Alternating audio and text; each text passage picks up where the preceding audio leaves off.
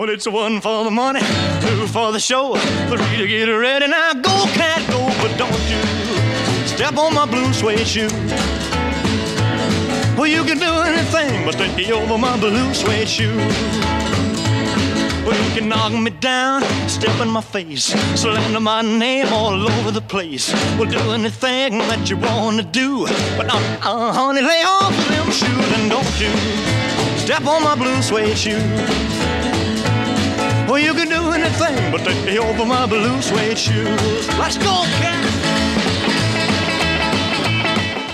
Cara B, con Manuel de Lorenzo.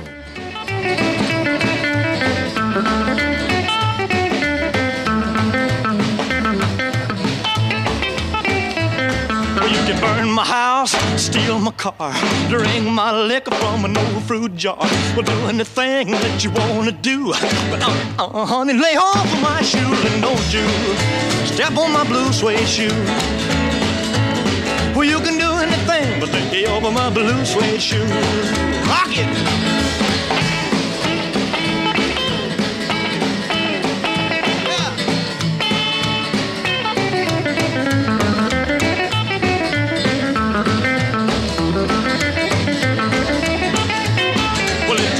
For the money, two for the show, three to get ready. Now go, go, go, but don't you step on my blue suede shoe. Well, you can do anything but take the help of my blue suede shoe. Well, it's blue, blue, blue suede shoes. Blue, blue, blue suede shoes. Yeah! Blue, blue, blue suede shoes, baby. Blue, blue, blue suede shoes. Well, you can do anything but they hope for my blue suede shoes. Conta a lenda que en certa ocasión a primeira moza, digamos, formal de Elvis Presley tras a súa separación de Priscilla, ou seja, a actriz e compositora Linda Thompson, que por certo tamén era Miss Tennessee, pediulle a Elvis que acompañara a comer unha hamburguesa a, un, a unha coñecida cadea de restaurantes eh, como se fosen unha, unha parella normal, anónima, non? Os dous sós, sen gardacostas, nin, nin protección, nin persoal de seguridade. Cando xa estaban sentados no restaurante, Un home que semellaba estar un tanto molesto, pois achegouse a Elvis e díxolle eh, que estaba farto de cruzarse con imitadores de medio pelo do rei do rock, non? Xa que Elvis Presley só había un. Entón Elvis sorprendeuse, sorprendeuse de que aquel tipo pois acabara de tomalo por un farsante, non? E contestoulle que el non era un imitador calquera de Elvis, que non era nin sequera un fan, non? Que se trataba do, do auténtico Elvis Presley. E aquel home contestoulle que, que non, que Elvis xa máis comería como se nada nun, nun restaurante calquera. Entón Elvis eh, dirixiu unha mirada a Linda, a súa moza, e pediulle que lle explicase aquel home quen era el en realidade, porque estaban ali os dous, non? O que Linda contestou, oh, por favor, cala xa, George, non? Alguns eh, anos máis tarde, nunha entrevista con Andrew Hearn, o editor da revista Essential Elvis, Linda aclarou que aínda que as cousas non sucederon exactamente así, a anécdota no fondo era certa. Mm?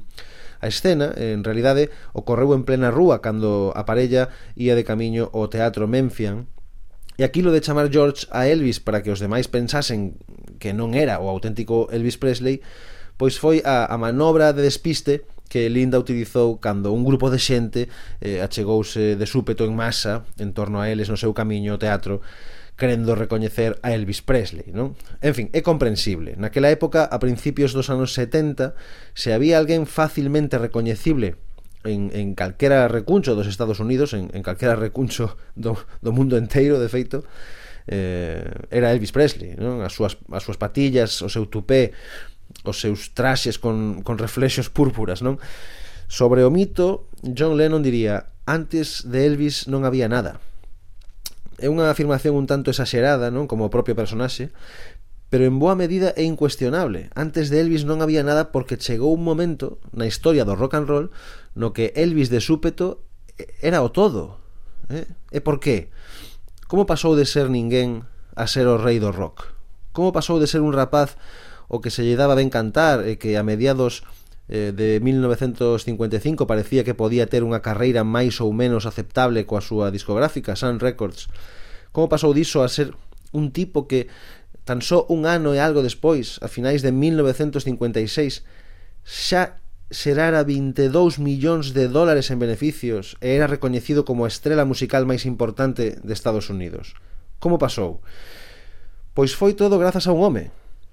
O tipo que fixo de Elvis o que foi, e que tamén o espremeu ata que eh, xa non foi capaz de aguantar máis.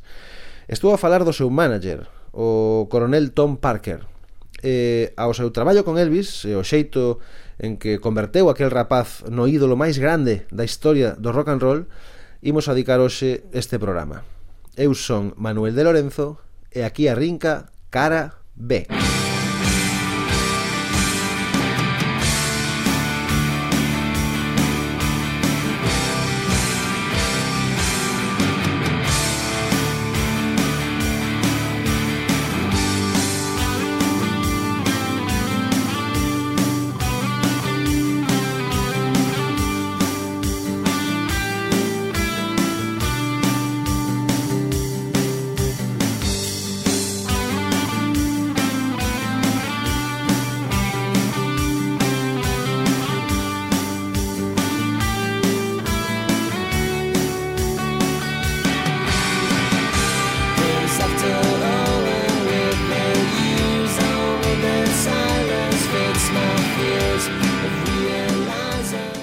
Elvis Presley era, en resumidas contas, mm, a galiña dos ovos de ouro, non?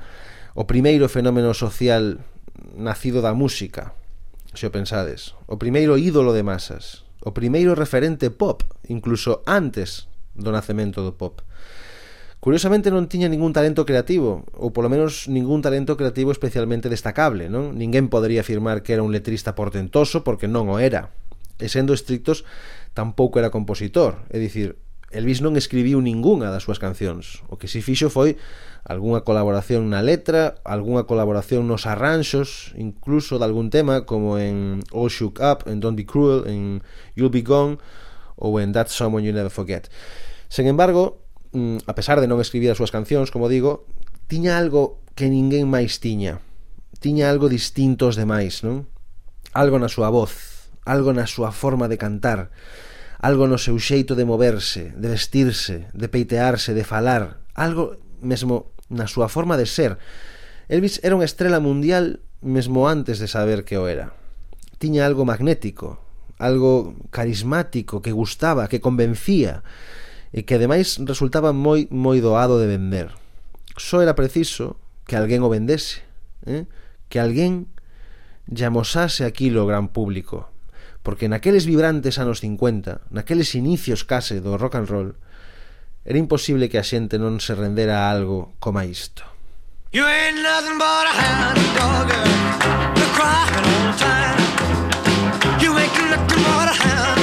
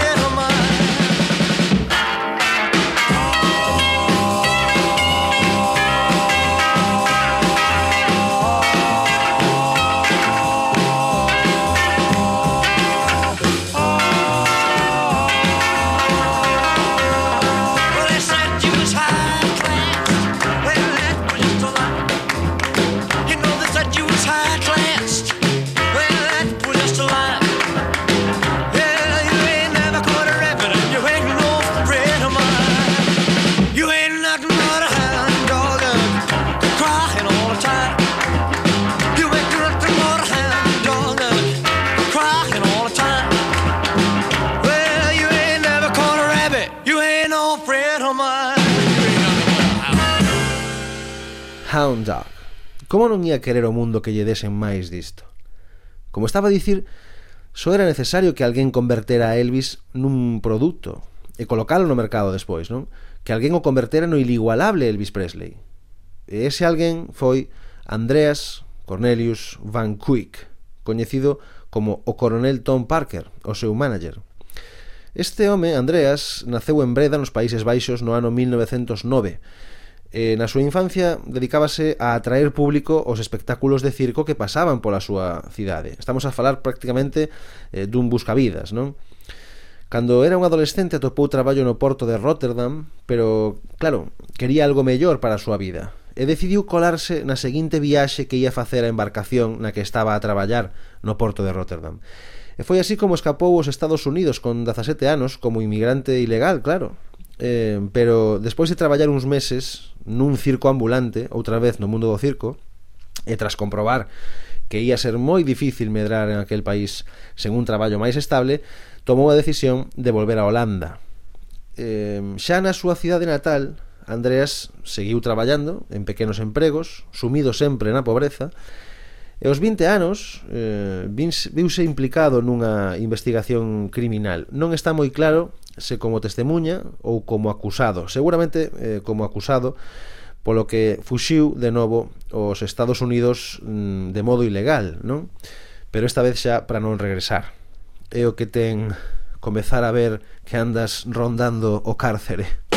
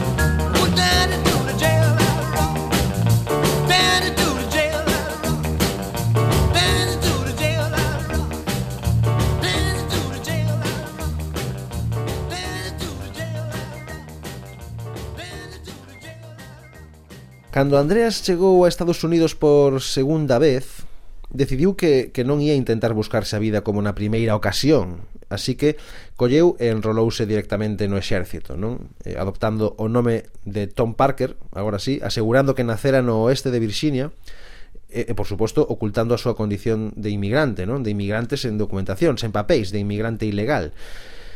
Tras dous anos de servizo, eh, Andreas o que imos xa chamar eh, Tom Parker a partir de agora non? no programa xa que ese o nome que escolleu para a súa nova vida pois desertou do seu batallón polo que foi arrestado e expulsado eh, do exército eh, non tiña outro xeito de, de gañarse a vida en, en Estados Unidos e a Holanda non podía regresar, así que con 22 anos volveu traballar en circos que era o único que sabía facer, e na industria do entretemento, non? Sete anos máis tarde, en 1938, xa con 29 anos, eh, foi contratado para atraer público aos espectáculos do cantante Gene Austin e a raíz diso, foi a raíz deste pequeno cambio na súa vida profesional A raíz disto Parker comezou a traballar xa como promotor de música, non? O principio eh, pois eh, promovendo aparicións e concertos de cantantes como Minnie Pearl e Eddie Arnold e despois xa dedicándose directamente á publicidade a gran escala dos seus representados tanto en radio como en prensa o que, en fin, converteu no profesionalmente xa en manager e sacou uno definitivamente da pobreza, non? E foi nese momento da súa vida cando xa era manager, cando xa se dedicaba á publicidade mm, dos seus representados en, tanto en prensa como en radio, cando coñeceu a un mozo que acababa de fichar por Sun Records e que era unha promesa regional do rock and roll coñecido fundamentalmente no sueste de Estados Unidos na zona que vai dende Tennessee ata o oeste de Texas. Tiña 20 anos e chamábase Elvis Aaron Presley.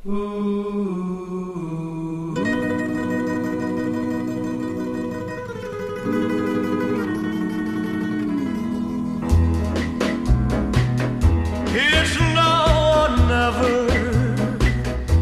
Come hold me tight. Kiss me my darling. Be mine tonight. Tomorrow will be too late. It's now or never. My love won't wait. When I first saw you, with your smile so tender, my heart was captured, my soul surrendered. I've spent a lifetime waiting for the right time. Now that you're near, the time is here at last. It's now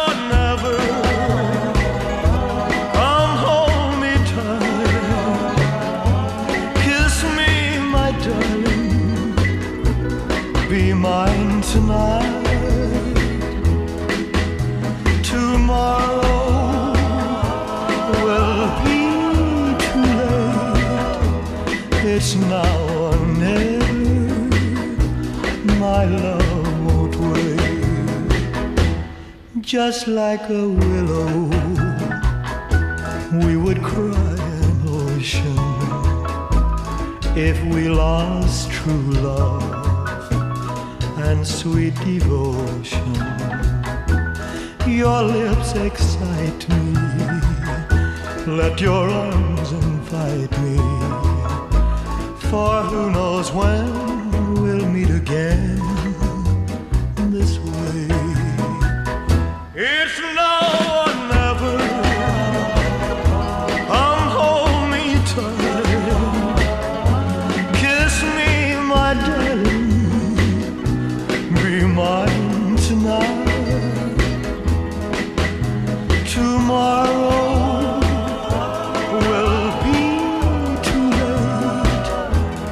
It's now or never. My love won't wait. It's now or never. My love won't wait. It's now or never.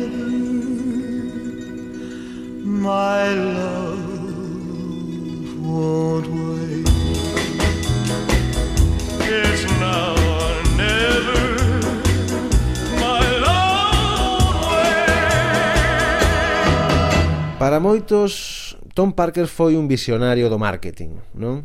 eh, e ademais o principal responsable do éxito de Elvis Presley, un cantante que, que xa máis triunfaría seguramente de non ter coñecido a aquel manager o que chamaban o coronel, que por certo era un título honorífico evidentemente porque desertou do exército non?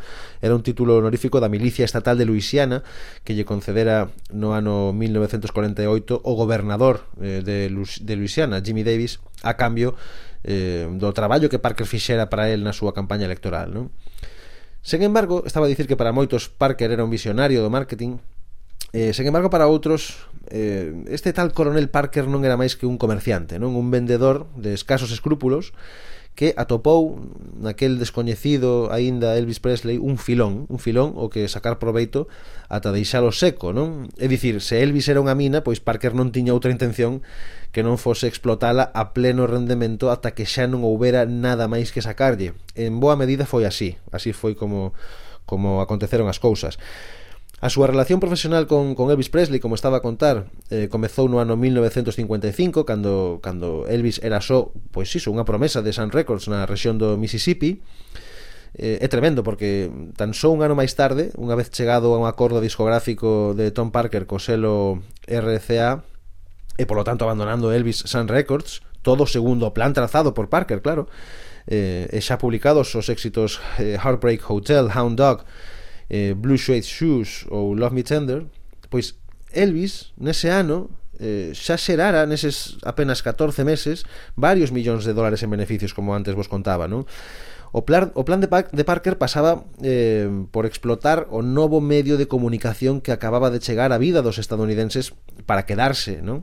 E que era doado eh, que acaparase a atención de todos os hogares, que era a televisión. Non? El antes adicábase á prensa e á radio, pero entendeu que a televisión era o novo medio de comunicación o que había que prestarlle atención como manager, non?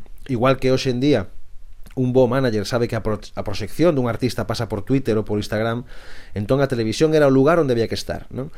E Parker logrou que o seu rapaz, o seu rapaz de ouro, eh, actuase no, no show de Milton Berle eh, en primeiro lugar e a continuación no, no grandísimo show de Ed Sullivan eh, que era visto por todas as familias que tiñan televisión en Estados Unidos en aquel momento En Amentres, sen, sen deter en ningún instante a súa labor publicitaria e aproveitando o empuxe de Elvis Presley xa na televisión, contratou a fabricantes de merchandising para utilizar o nome de Elvis de modo idéntico a unha marca comercial.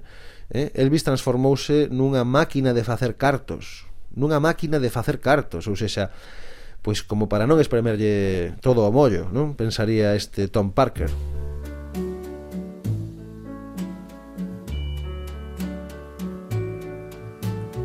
Wise men say Only fools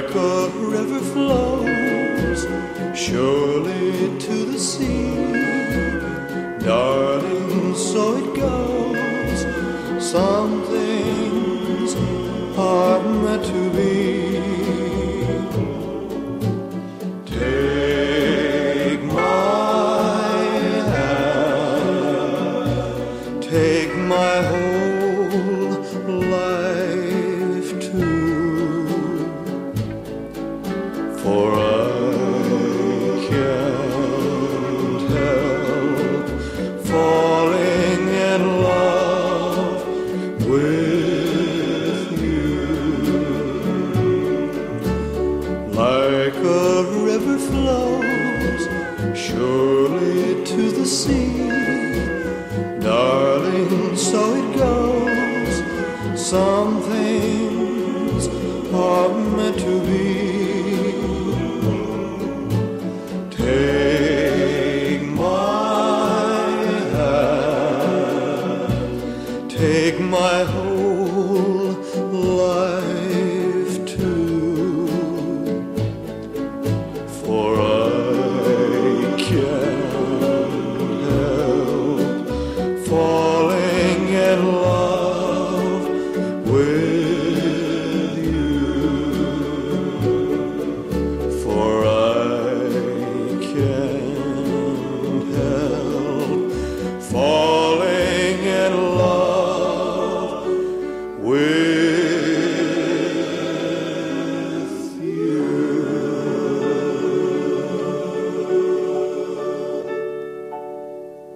coronel Tom Parker quería que Elvis actuase nas Vegas eh, de xeito permanente. Sabía que os cartos estaban ali. Pero non podemos esquecer que Elvis tiña só 22 anos eh? Ou seja, dá, dá vertixe pensar niso o, o, o rápido que se lle escapou a vida a ese rapaz eh, En realidade E claro, o público das Vegas consideraba -o aínda un ídolo juvenil, non? Aquela xente non estaba disposta a pagar unha morea de cartos por unha entrada para unha actuación se non se trataba dunha celebridade. Nas Vegas estaba a actuar eh, Sinatra, non? Eh, non, non, non, non, non, non tiña sentido que chegase un rapaz de 22 anos a actuar ali aos casinos, non? Eh, e por iso a Parker ocorreuselle que Elvis eh, o que debía facer entón era cine, tiña que protagonizar películas. O público de Estados Unidos tiña que pensar nel como nunha estrela á altura dos máis grandes dos anos dourados de Hollywood, non? Era o único xeito de chegar a convencer a esta xente que si sí estaría disposta a pagar por ver a un dos, eh, dos grandes nomes de Hollywood eh, actuando nos casinos de Las Vegas. E foi así como Parker chegou a un acordo con Paramount Pictures para que Elvis Presley eh, protagonizar as súas sete primeiras películas non en paralelo en paralelo a isto e como do que se trataba era de vender unha imaxe eh, que é o que en fin, é o que acontece sempre na, na industria musical dende dende Brian Epstein e os Beatles ata o pai de Beyoncé, non? Non nos enganemos, a música, a industria da música é a industria da música é da imaxe. Pois Eh, en paralelo, como dicía, eh, Parker convenceu a Elvis para que mm, aceptase facer o servicio militar e así Estados Unidos pois vise o bo rapaz que era, non? O normal e corrente que era e o concienciado que estaba co servizo ao seu país, evitando ter un tratamento especial por ser unha estrela, non? Entón, el enrolouse en, en xaneiro de 1958 no exército dos Estados Unidos, eh, e foi destinado a Alemanha Occidental e durante a súa estancia ali pois Parker difundía diferentes noticias sobre as actividades de Elvis non? mensaxes para os seus fans historias cotiás como por exemplo a, a, a famosa historia as famosas imaxes do corte de pelo de Elvis ao chegar ao exército non? ou mesmo bulos Parker tamén difundía novas totalmente falsas como por exemplo a oferta para que Elvis tivese o seu propio show de televisión eh, ou regresar a Estados Unidos en fin tratábase de manter o interese do público intacto e de velo a sí mesmo a Elvis como un mito inaccesible, non?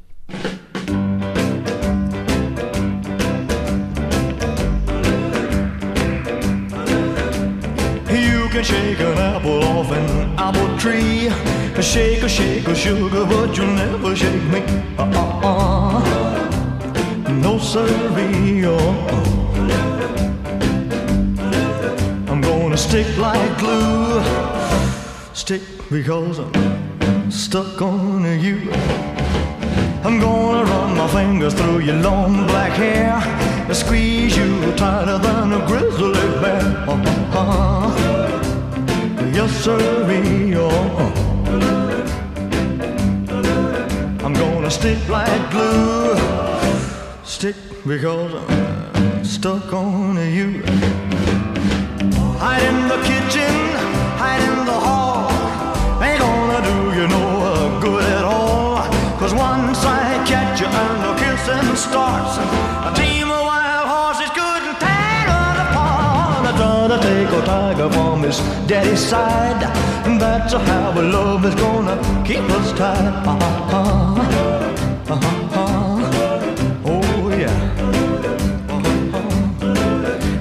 Stick like glue. Stick because I'm stuck on you. Hide in the kitchen, hide in the hall.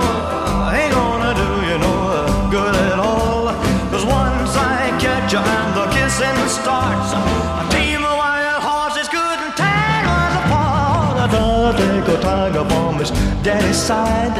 And that's how love is gonna keep us tied. Uh-huh. Yes, sir. Uh-huh. I'm gonna stick like glue. Yeah, yeah, because I'm stuck on you. I'm gonna stick like glue. Yeah, yeah, because I'm stuck on you. I'm gonna stick like glue. Yeah, yeah.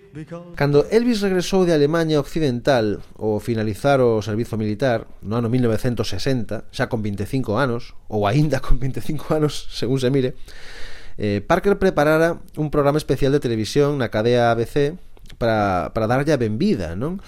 A benvida, a volta a casa. O show foi, foi titulado Welcome Home, Elvis eh, contou mesmo coa participación de Frank Sinatra era como se, se o fillo pródigo regresase a casa non?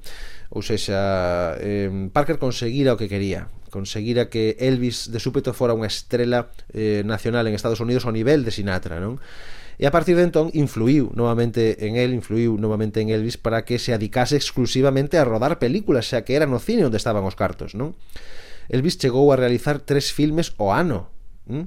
sempre en todas esas películas no papel eh, principal. De xeito, mm, lembro que houve un ano que penso que foi no 68 que, que mesmo fixo catro películas, non? Eh, ou seja, o que pretendía Parker era que os cinemas estadounidenses tivesen case sempre en carteleira a recoñecible cara de Elvis Presley, non? Eh, naquela época, a comezos dos anos 60, moitos nos Estados Unidos consideraban que Elvis, máis que cantante, de feito, era actor, ¿Mm? Ou seja, el xa non daba concertos, limitábase a actuar eh, actuar, quero decir, como actor e a sacar discos coas cancións das películas os seus discos ademais, é verdade que sacaba algún disco poucos xa con RCA pero pero que se trataba era de publicar discos coas cancións, coa banda sonora das películas, non? Eh, eh, porque Parker quería concentrar as enerxías da súa estrela nesa fonte de ingresos que era máis suculenta. Pero claro, ao final pois de todo se aburre un, non? E o, e o interese por Elvis terminou decaendo moi cedo, moi cedo. Foi algo que ademais coincidiu co estalido da Beatlemanía, coa invasión dos grupos británicos nas listas de vendas estadounidenses. En fin, os discos xa non se vendían, a xente xa non ía ao cine a ver as películas de Elvis, era preciso buscar algo que tivese un impacto importante nos medios de comunicación e que o público volvese falar de Elvis. ¿Mm? Tom Parker, o seu manager, necesitaba que a xente volvese interesarse por Elvis. Era o momento de casar a Elvis.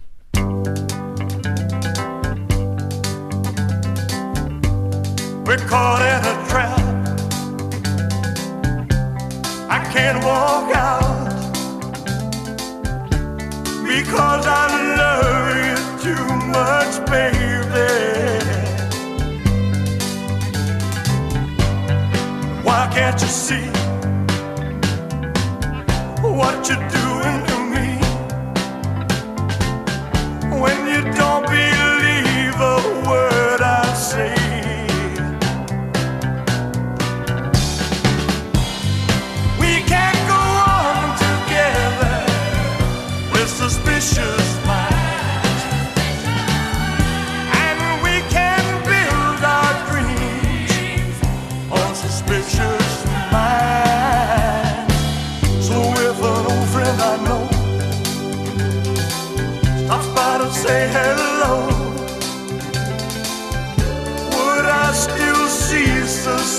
future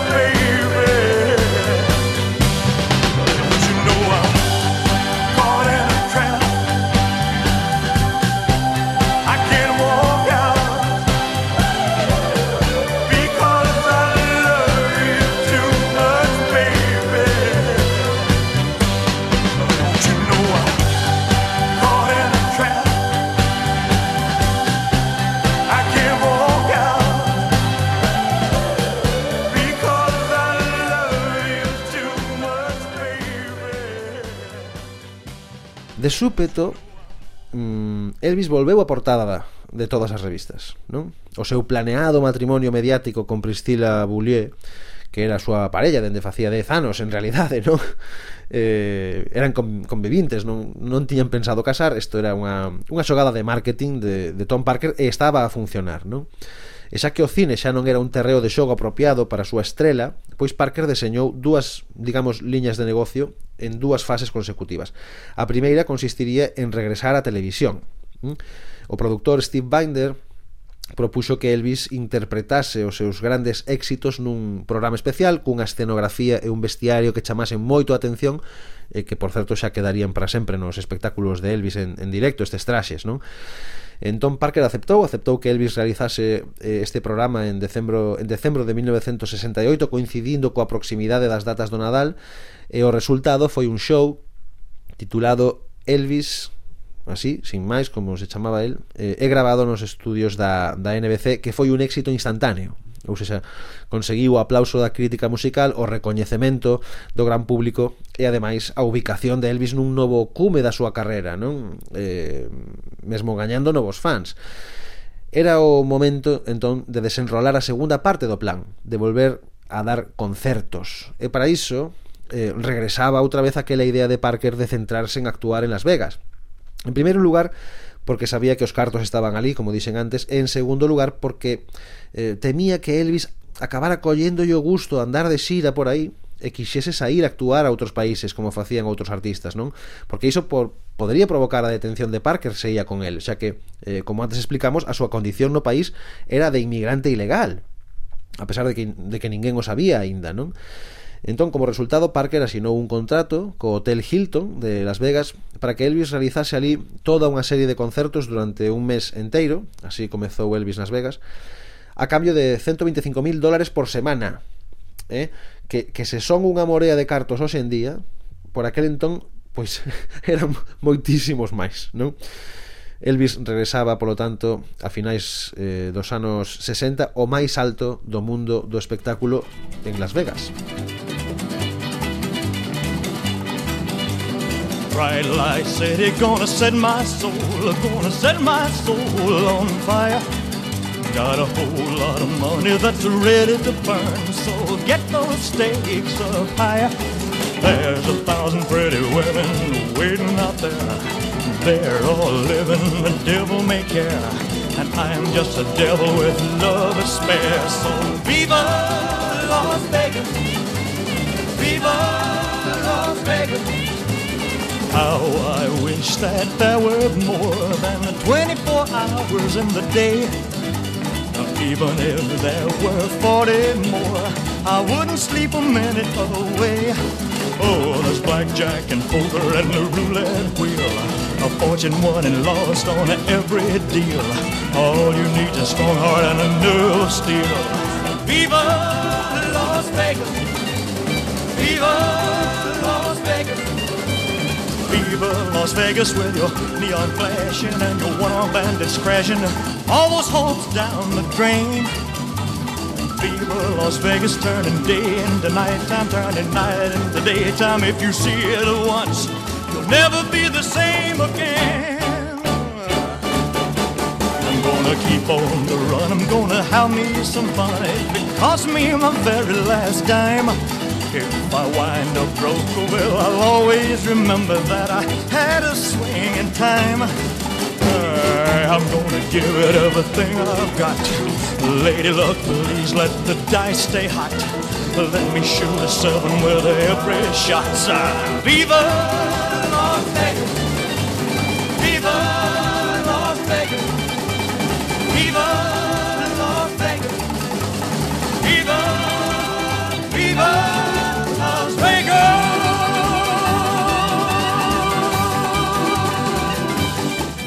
este esta nova etapa de éxito de Elvis de todos os xeitos non durou demasiado, non? Elvis actuaba nos casinos de Las Vegas, realizou o primeiro concerto retransmitido vía satélite que chamouse Aloha from Hawaii, seguía estando vivo na maquinaria de merchandising que Parker colocara no mercado. A cambio, e debido a que Elvis era o seu único representado, o coronel convenceu uno de que a metade dos beneficios que xeraba debían ser para él. Eh? ou sexa, deberían ser para Tom Parker xa que, segundo el dicía Elvis debía yo todo non? E, sen el, mm, Elvis non era nada non? Era, foi unha etapa moi difícil para Elvis, foi difícil para el, eh, para el xestionar todo isto, comezou a coller peso, iniciou unha terrible adicción aos fármacos, eh, comezou a presentarse nas actuacións nos casinos desorientados, en lembrarse da letra, con aspecto de non ser capaz de manter o equilibrio, non? eh, pensade que ao longo de dúas décadas o coronel Parker puxera a Elvis boca abaixo e sacudírao ata que xa non caía case nada do seu peto, non? E mesmo entón, mesmo neste momento cando xa estaba comezando o seu declive, tiña o valor de quedarse coa metade do que caía, non? Cando colocaba boca abaixo e o sacudía para ver que podía levarse, non? Posiblemente Parker como manager de Elvis tería que pensar naquel momento en mandalo a casa, non? De, en mandalo a descansar, a recuperar as rendas da súa vida pero non o fixo. Parker sempre quería máis, non? Eh, tiña no seu poder, como dicíamos ao comezo do programa, a galiña dos ovos de ouro, e non pensaba deixar escapar ningún só dólar mentre Elvis vivise. O malo, eh, algo co que posiblemente non contaba Parker, o malo é que Elvis eh, non era máis que un tipo como outro calquera, cun límite máximo de resistencia, non? E cando xa non puido máis, o 16 de agosto de 1977, con 42 anos de idade, pechou os ollos un día en Graceland e xa non os abriu máis. Marchou para sempre.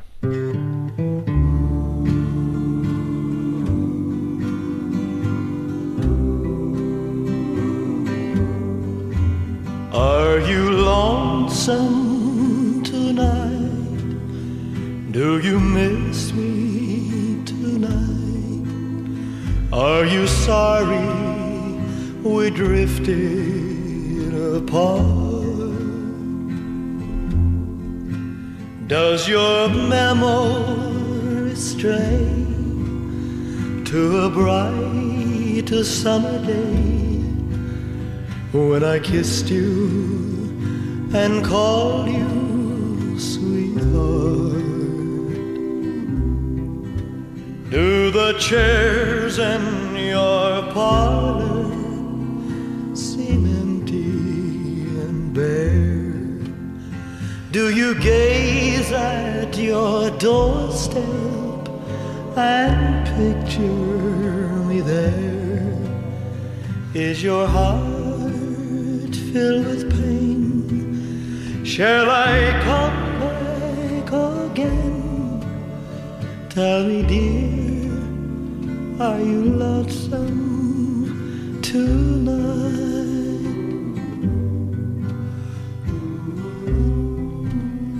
I wonder if you're lonesome tonight. You know, someone said the world's a stage and each must play a part. Fate had me playing in love with you as my sweetheart. Act one was where we met. I loved you at first glance. You read your lines so cleverly and never missed a cue. Then came Act Two. You seemed to change, you acted strange, and why I've never known. Honey, you lied when you said you loved me, and I had no cause to doubt you. But I'd rather go on uh, hearing your lies than to go on living without you. Now the stage is bare, and I'm standing there with emptiness all around. And if he won't come back to me, then they can bring the curtain down. Is your heart filled with pain? Shall I come back again? Tell me, dear, are you lonesome tonight?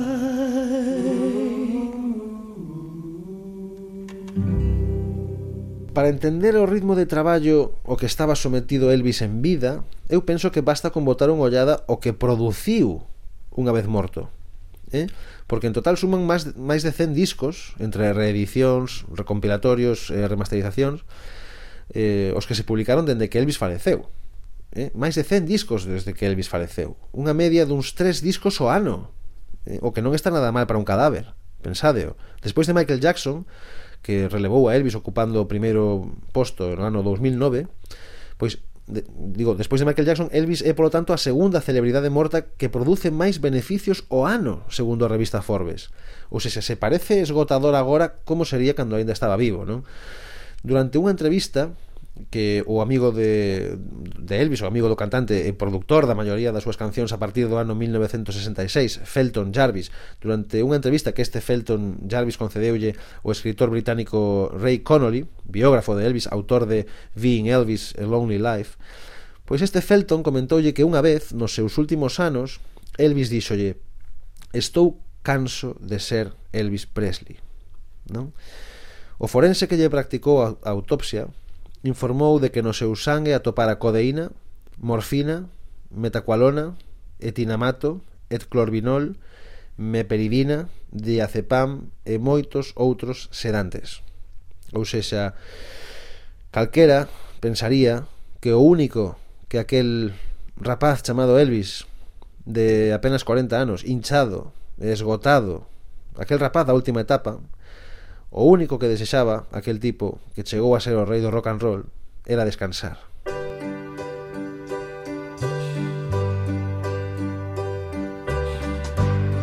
Maybe I didn't treat you quite as good as I should have.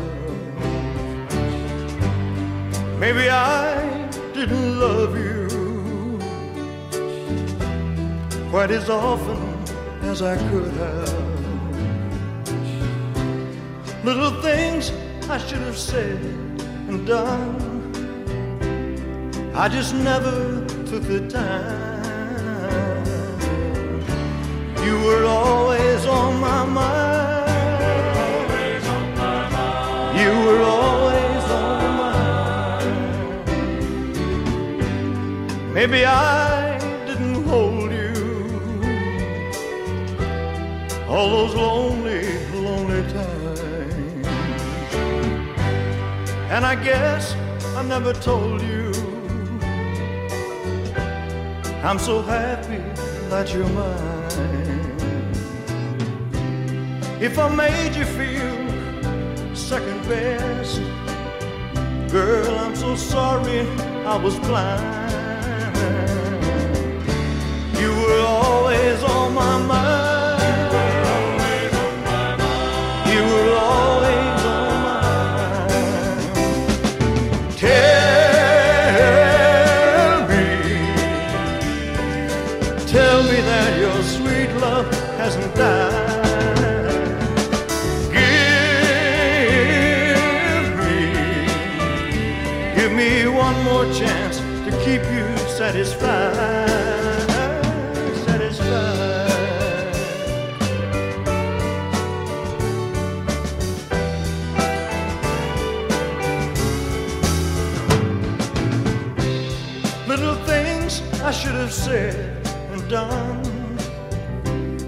I just never took the time.